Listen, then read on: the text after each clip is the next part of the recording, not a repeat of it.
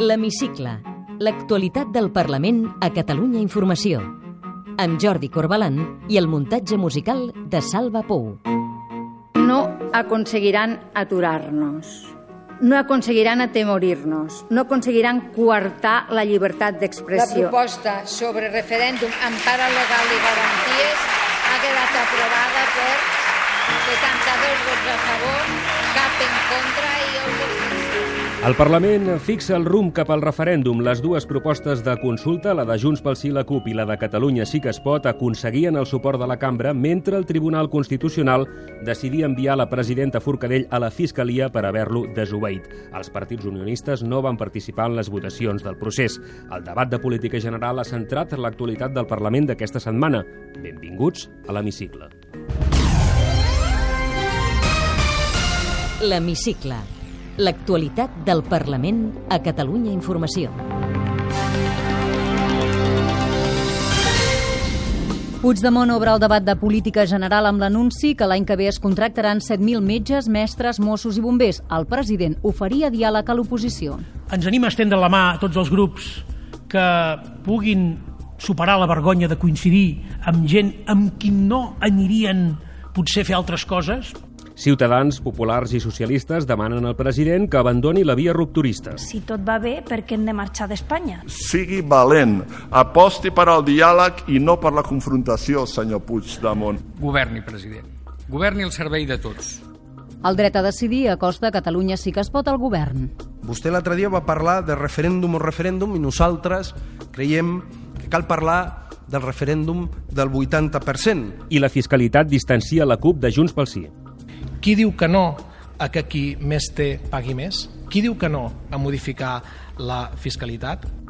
El lletrat del Parlament, Xavier Muro, serà el nou secretari general de la cambra en substitució de Pere Sol. És un relleu que s'enmarca dins de la més estricta normalitat. I respondrà al qüestionari de l'hemicicle en una frase. Marta Ribas, diputada de Catalunya Sí que es pot i coordinadora nacional d'iniciativa per Catalunya Verds.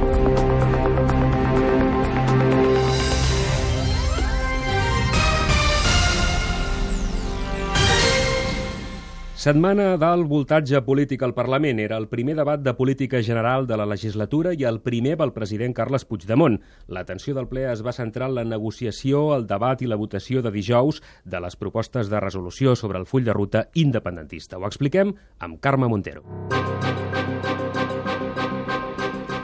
El ple va avalar les dues propostes de referèndum que es van debatre. La de Junts pel Sí la CUP, que planteja celebrar el referèndum com a molt tard al setembre de l'any que ve, encara que no hi hagi acord polític amb l'Estat, va obtenir els 72 vots de la majoria independentista, que va arrencar l'abstenció de Catalunya sí que es pot, tot i que la diputada Jessica Albiach ho matisava. No compartim el model que proposen i que nosaltres seguirem defensant, i així ho diu la nostra proposta, que cal un referèndum útil i que, per tant, cal que siga amb garanties i amb reconeixements. La proposta de la confluència d'esquerres també va rebre l'aval del Parlament amb un vot més, 73, ja que va sumar el suport de Junts pel Sí i l'abstenció de la CUP. També es van aprovar les resolucions del bloc independentista que preveuen que els pressupostos del 2017 incorporin els recursos per celebrar la fase deliberativa i vinculant del procés constituent la primera meitat de l'any que ve. Junts pel Sí, Catalunya sí que es pot i la CUP van aprovar també una resolució de suport als imputats pel 9-N i als càrrecs electes que estiguin amenaçats per les institucions jurídiques de l'estat espanyol per haver permès l'expressió de qualsevol opció política democràtica en al·lusió implícita a la presidenta del Parlament i als membres de la mesa. Les resolucions sobre el referèndum i el procés constituent es van votar malgrat els intents de Ciutadans, el Partit Popular i el PSC d'evitar-ho. Dijous al migdia van demanar sense èxit a la mesa del Parlament que reconsiderés l'admissió a tràmit de les propostes de resolució i a la tarda no van participar a la votació. Sentim el portaveu de Ciutadans, Carlos Carrizosa, i el popular Enric Millo. Nosotros no vamos a participar en las votaciones de las resoluciones que entendemos que emanan eh, de la resolución anulada por el Tribunal Constitucional. Que el Parlament no s'hauria de veure obligat, imposat, a votar propostes de resolució que són el desenvolupament de resolucions que ja han estat anul·lades per al Tribunal Constitucional La copaire Anna Gabriel i Marta Rovira, de Junts pel Sí, replicaven. Avui nosaltres donarem una lliçó de no fractura votant fins i tot allò que no compartim. Si no s'està d'acord amb el contingut polític i amb el posicionament polític, tenen un botó vermell que diu no, l'apreten i ja està. Per fer ben visible que no participaven d'aquestes votacions, els diputats de Ciutadans van alçar les mans. No van prosperar la proposició del Partit Popular que defensava la represa del diàleg amb l'Estat ni la de Ciutadans, que apostava per la via reformista. L'aposta federalista del PSC, que defensava Eva Granados, tampoc va tenir prou suport. Queda clar que el que hi ha són dos camins. El de la unilateralitat, el que diu clarament que vostès han decidit tirar pel dret i nosaltres creiem que s'equivoquen i que ens porten a les roques, o l'altre camí que és la via dialogada, el de la reforma de la Constitució. L'hemicicle. L'actualitat del Parlament a Catalunya Informació. El debat de política general, però, ha donat per molt més. Al marge de les dues resolucions sobre el referèndum, se n'han aprovat 64 més. 17 resolucions de Junts pel Sí, 7 de Ciutadans, 8 del PSC, 13 del grup Catalunya Sí que es pot, 6 del Partit Popular i 15 de la CUP. Carme Clèries n'ha preparat aquesta fitxa. El Parlament ha aprovat aquesta setmana una resolució de Junts pel Sí que demana que recuperin els tributs propis declarats inconstitucionals com l'impost sobre nuclears i el de dipòsits bancaris i, si fos el cas, els que estan pendents de sentència del Constitucional com l'impost sobre els pisos buits. Va obtenir el suport de tots els grups tret de Ciutadans i el Partit Popular. Junts pel Sí i la CUP també van aprovar que es canvi la llei per deixar sense efecte els topalls de dèficit i la prioritat del pagament del deute, però les coincidències en matèria de reformes tributàries s'acaben aquí. El grup de la majoria no va donar suport a la proposta dels copaires que volien una pujada del tram més alt de l'IRPF i recuperar, entre d'altres, l'impost de successions. Tampoc va donar suport i, per tant, no va prosperar a la que van presentar conjuntament Catalunya sí que es pot i el PSC amb el suport de la CUP, que anava en la mateixa direcció, tot plegat en plena negociació de pressupostos. La CUP es va desmarcar del govern en tres votacions. Una de Ciutadans que proposava que es prioritzi en els comptes del 2017 la partida dedicada a la dependència. L'abstenció dels copaires va ser clau perquè prosperés i, de fet, el grup de la majoria es va quedar sol rebutjant la proposta de resolució. Una nova abstenció de la CUP va deixar sol Junts pel Sí en una altra resolució de Ciutadans que proposava reduir les llistes d'espera i millorar el sistema sanitari. Junts pel Sí també va perdre la votació que instava el govern a presentar-se com a acusació particular en el cas de pederàstia dels maristes i en tots els casos d'abusos sexuals a infants o joves. Al marge d'això, Junts pel Sí va votar dividit una resolució que manifestava l'oposició a la signatura del Tractat Transatlàntic de Comerç i Inversions, el TTPI. Els diputats i els independents eh, vinculats a Esquerra es van alinear amb Catalunya sí que es pot i el PSC avalant el document, mentre que els més propers a l'antiga Convergència van optar per l'abstenció, igual que va fer Ciutadans. El ple va aprovar també les propostes de resolució presentades pel PP en suport a l'empresa i de mesures per al foment de l'ocupació. El president Puigdemont obria dimecres al matí el debat de política general amb l'anunci que els pressupostos del 2017 inclouran la convocatòria de 7.000 places públiques noves. Puigdemont va defensar el vot i les urnes com a eina perquè els catalans decideixin el seu futur i va carregar contra un estat, diu, que es nega a dialogar. L'any passat es van convocar places, però l'última convocatòria important de mestres i Mossos és del 2011, fa 5 anys, i la de metges i infermeria del 2010, en fa 6, per tant. Una convocatòria que anuncia anunciava el president en el seu discurs. Els anuncio que els pressupostos del 2017 inclouran una convocatòria d'oferta d'ocupació pública de 7.000 llocs de treball. Majoritàriament són places de serveis essencials que conformaran part del capital de l'administració que volem del present i del futur. Es tracta de 2.500 places de metges i infermeria, 2.000 de mestres, 500 de Mossos, 150 places de bombers i 300 de personal tributari. La majoria són per cobrir places que han quedat vacants per jubilacions o prejubilacions.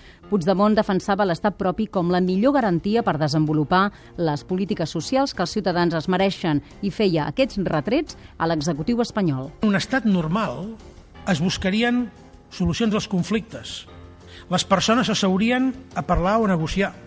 Es teixirien complicitats i consensos. Això seria un estat normal.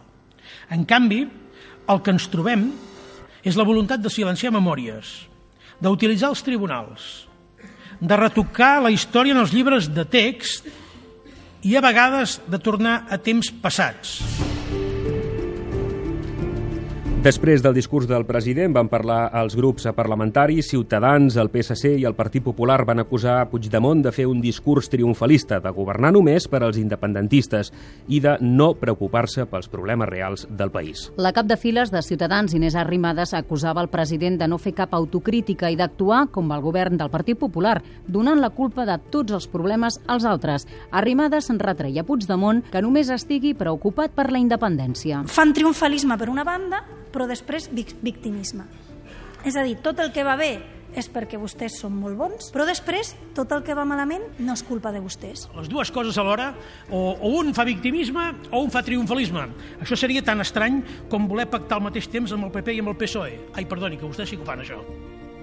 El líder del PSC, Miquel Iceta, va acusar a Puigdemont de plantejar un món idíl·lic i de no atendre els problemes reals dels catalans. És una certa imatge idíl·lica del país que es pot desprendre del seu discurs i que no es correspon amb la greu crisi social que patim. Vostè hauria de ser Superman, dic amb respecte, si amb els mesos que queden pretengués desenvolupar els 10 eixos de prioritats que ens ha dibuixat. Si li volgués descriure un país idíl·lic, cregui'm que segurament fins i tot coincidiríem. I l'únic que que lamento és que aquesta coincidència de país idíl·lic, que seria molt àmplia, vostès doncs, ajudin prou. El popular Xavier García Albiol desqualificava els plantejaments independentistes dels catalans i afirmava que el govern espanyol s'ha quedat sol ajudant els catalans. L'independentisme és una forma, i li diré amb tot de respecte, entenem, és una forma de vagància que els hi permet no fer res. O és una forma d'immarudesa que els hi permet dir que tot el que no va la culpa és d'un altre. S'ha acusat de ser vagos, vaja, d'alguna manera. Vale. Bueno, hòstia, eh, perdoni.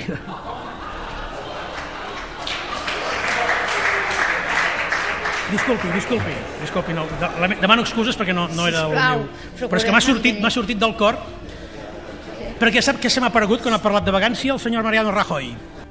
Mentrestant, el govern i la CUP es conjuraven per intentar sumar Catalunya sí que es pot al bloc sobiranista. Des de Catalunya sí que es pot, el Bano Dante Fachin no tancava portes, però posava l'accent en la necessitat d'ampliar la majoria social. El president Puigdemont agraïa als ecosocialistes la possibilitat d'arribar a acords. Vostè l'altre dia va parlar de referèndum o referèndum i nosaltres creiem que cal parlar del referèndum del 80%, un referèndum que aplegui a la gran majoria social d'aquest país que vol fer realitat els canvis que fins ara moltes vegades són paraules. Que malgrat les diferències que en tenim i algunes són, són grans, i no cal tampoc ara que les, que les exagerem, però que hi són, que malgrat aquestes diferències ens esforcem nosaltres sí a buscar encara que siguin petits fils d'acord eh, sobre el qual puguem fer avançar el país. El copaire Albert Botran defensava que hi ha la capacitat i la força social per tirar endavant el referèndum. Ara que les condicions estan madures, no podem deixar que es podreixin. Ara ens entretindrem a esperar un referèndum pactat? President, no podem deixar passar el temps. Cada dia que passa ha de ser un dia guanyat en la construcció i la consecució del referèndum. Nosaltres fa dies que som a la taula per començar-hi a treballar. En canvi, el govern i la CUP van evidenciar que continuen allunyats pel que fa a la fiscalitat. Benet Salelles tornava a defensar una pujada d'impostos per a les rendes més altes i el president defugia ara el debat. Qui diu que no a que qui més té pagui més? Qui diu que no a modificar la fiscalitat? Aquest és un motiu clar pel qual ens vam embarrancar en els pressupostos del, del 2016. El problema no el tenim aquí. El problema principal d'aquest país es diu espoli fiscal. L'hemicicle L'actualitat del Parlament a Catalunya Informació. I mentre el Parlament es disposava a debatre i votar les conclusions del debat de política general, el Tribunal Constitucional decidia enviar Carme Forcadell a la Fiscalia per haver-lo desobeït permetent la votació de les conclusions de la Comissió d'Estudi del Procés, que també anul·lava. La presidenta del Parlament reaccionava amb fermesa en una declaració des del despatx d'audiències. Flanquejada per la resta de membres de la mesa de Junts pel Sí, Carme Forcadell va deixar clar que té la consciència tranquil·la i que tornaria a fer el mateix, permetre el debat i votació de les conclusions del procés procés constituent. Absolut convenciment que vaig fer el que havia de fer, que el Parlament va fer el que tocava, que és complir el reglament, permetre que tothom es pugui expressar i votar. Vaig fer el que pertocava i ho tornaria a fer sense cap mena de dubte. Als passadissos del Parlament, govern i oposició també van reaccionar a la decisió del Constitucional. La portaveu del govern, Neus Munté, deia això poc abans de començar el debat i votació de les propostes de resolució del debat de política general. No és casualitat, no és coincidència que els tribunals espanyols, acostumats com estem en aquesta absència de separació de poders, escalin un grau més en aquesta persecució judicial d'allò que ha de resoldre la política i la democràcia. Des de l'oposició, Ciutadans i el Partit Popular celebraven la decisió del TC i el PSC reclamava diàleg. Sentim el popular Xavier García Albiol, Fernando de Páramo de Ciutadans i el socialista Ferran Pedret. Que es la evidencia más clara que la justicia española goza de buena salud, que se toman las decisiones adecuadas. Saben perfectament que la llei sempre està per damunt dels ciutadans, siguin la senyora Forcadell, sigui el senyor Artur Mas, sigui el senyor Oms. Creiem que és estrictament necessari que el govern català i el govern espanyol recuperin vies de diàleg. L'Hemicicle. L'actualitat del Parlament a Catalunya Informació. El lletrat Xavier Muro serà el nou secretari general del Parlament en substitució de Pere Sol, que ha renunciat al càrrec per motius personals. La presidenta Carme Forcadell va proposar el nomenament a la reunió de la mesa. El secretari general és el màxim càrrec administratiu del Parlament. Com a cap dels serveis jurídics, té entre les seves funcions la d'assessorar la mesa. Pere Sol ocupava el càrrec des del 27 d'octubre del 2015. De fet, és un dels membres de la cambra que l'estiu va rebre el requeriment del Tribunal Constitucional per l'aprovació de les conclusions de la Comissió del procés. La presidenta Forcadell desvinculava aquest fet de la renúncia del càrrec. És un relleu que s'enmarca dins de la més estricta normalitat. Xavier Muro i Bas és llicenciat en Dret i en Filosofia per la Universitat de Barcelona. Ha estat professor de Dret Constitucional a la Universitat Pompeu Fabra. L'any 92 es va incorporar com a lletrat al Parlament. Des de l'any 2000 ocupa el càrrec de director de Govern Interior. Té la paraula Marta Ribas, diputada de Catalunya Sí que es pot i coordinadora nacional d'iniciativa per Catalunya en una frase. Com definiria el curs polític que acabem de començar? Mogut, intens, interessant. Com creu que l'acabarem? Mogut, intens i interessant, segurament també. Referèndum o referèndum? Uh, referèndum, espero. El seu bloc es defineix com a clarament d'esquerres. Esquerres en plural o en singular? Les esquerres sempre són molt plurals.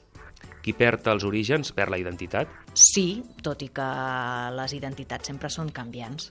I amb tanta confluència calen en compte per no perdre la identitat? La única manera de confluir és tenir clara la teva identitat i estar disposat a contaminar-te per millorar-la. A la política, diguem-ne, activa hi ha vingut per quedar-s'hi? I he vingut per estar-me una estona i després tornar a la meva feina, que és la de periodista. De quina cosa se sent més orgullosa d'haver-hi pogut contribuir des que és al Parlament?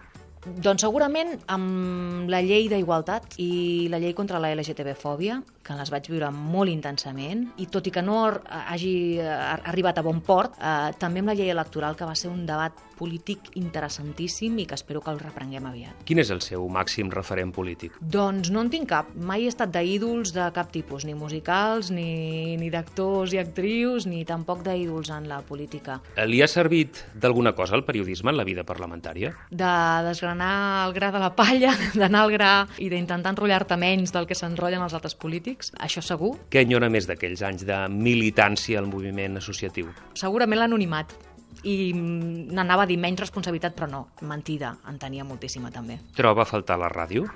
Sí, la veritat és que m'agradaria tornar-hi. He llegit que canta? Sí. Què li agrada cantar? Doncs sóc rockera.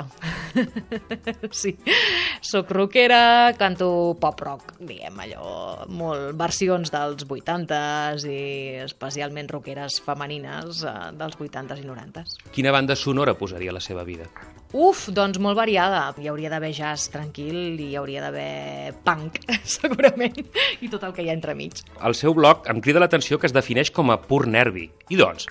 Doncs perquè no paro. Soc, ho a més, ho exterioritzo. Em mossego les ungles, no paro de moure'm, no paro de gesticular, de parlar i bé, diuen que és sa. Dues qualitats seves? Soc molt honesta, intento ser transparent. I un parell de defectes? Doncs eh, sóc massa perfeccionista, cosa que a vegades ho trasllado també cap a fora, vull dir, cap als demés, i sóc un pur nervi, això també és un defecte, cosa que a vegades em fa patar. Uh, no? tinc, tinc caràcter i, i rampells. El racó de la seva ciutat, de Rubí, que més li agrada? Al Parc de Can Oriol, perquè el tinc a més molt a prop de casa i és on me'n vaig a caminar als vespres que estic massa tensionada. Un país del món on li agradaria perdre's? Puf, qualsevol de l'Àfrica subsahariana. Quants diners porta la cartera habitualment? Sobre els 40 euros, 30-40 només. Ha pagat o cobrat mai en negre? No, que jo recordi. Viu de lloguer o de propietat? Visc pagant-li eh, la hipoteca en el banc. Té segona residència? No. Habitualment es desplaça en cotxe o en transport públic? Doncs una combinació. Hi ha alguna cosa després de la mort? Uh, al terra. I què l'omple més de la vida? Marxar cada dia a dormir cada nit uh, pensant que he fet tot el possible per fer les coses bé. Un projecte personal que l'il·lusiona? Home, ara mateix una criatura que m'està creixent a dintre que d'aquí uns mesos ha de sortir i pues, mega projecte. Marta Ribas, enhorabona i gràcies. Gràcies a vosaltres.